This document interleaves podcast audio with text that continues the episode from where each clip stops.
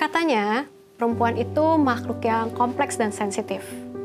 Ya nggak salah sih, bayangin aja. Kita setiap hari harus membawa beban ekstra, kira-kira 500 gram.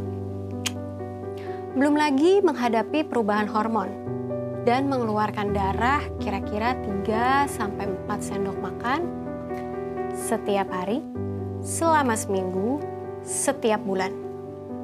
Jadi, jangan heran kalau akhirnya kita bisa uh, makan es krim dalam sekali makan sambil nonton drama Korea romantis atau menangis tanpa alasan.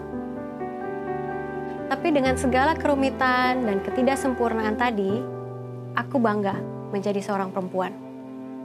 Karena kita cantik sekaligus cerdas. Lembut tetapi kuat. Hebat dengan caranya masing-masing. Dan ini adalah cerita tentang kita, para perempuan. Menjadi perempuan adalah sebuah perjuangan yang tak pernah usai.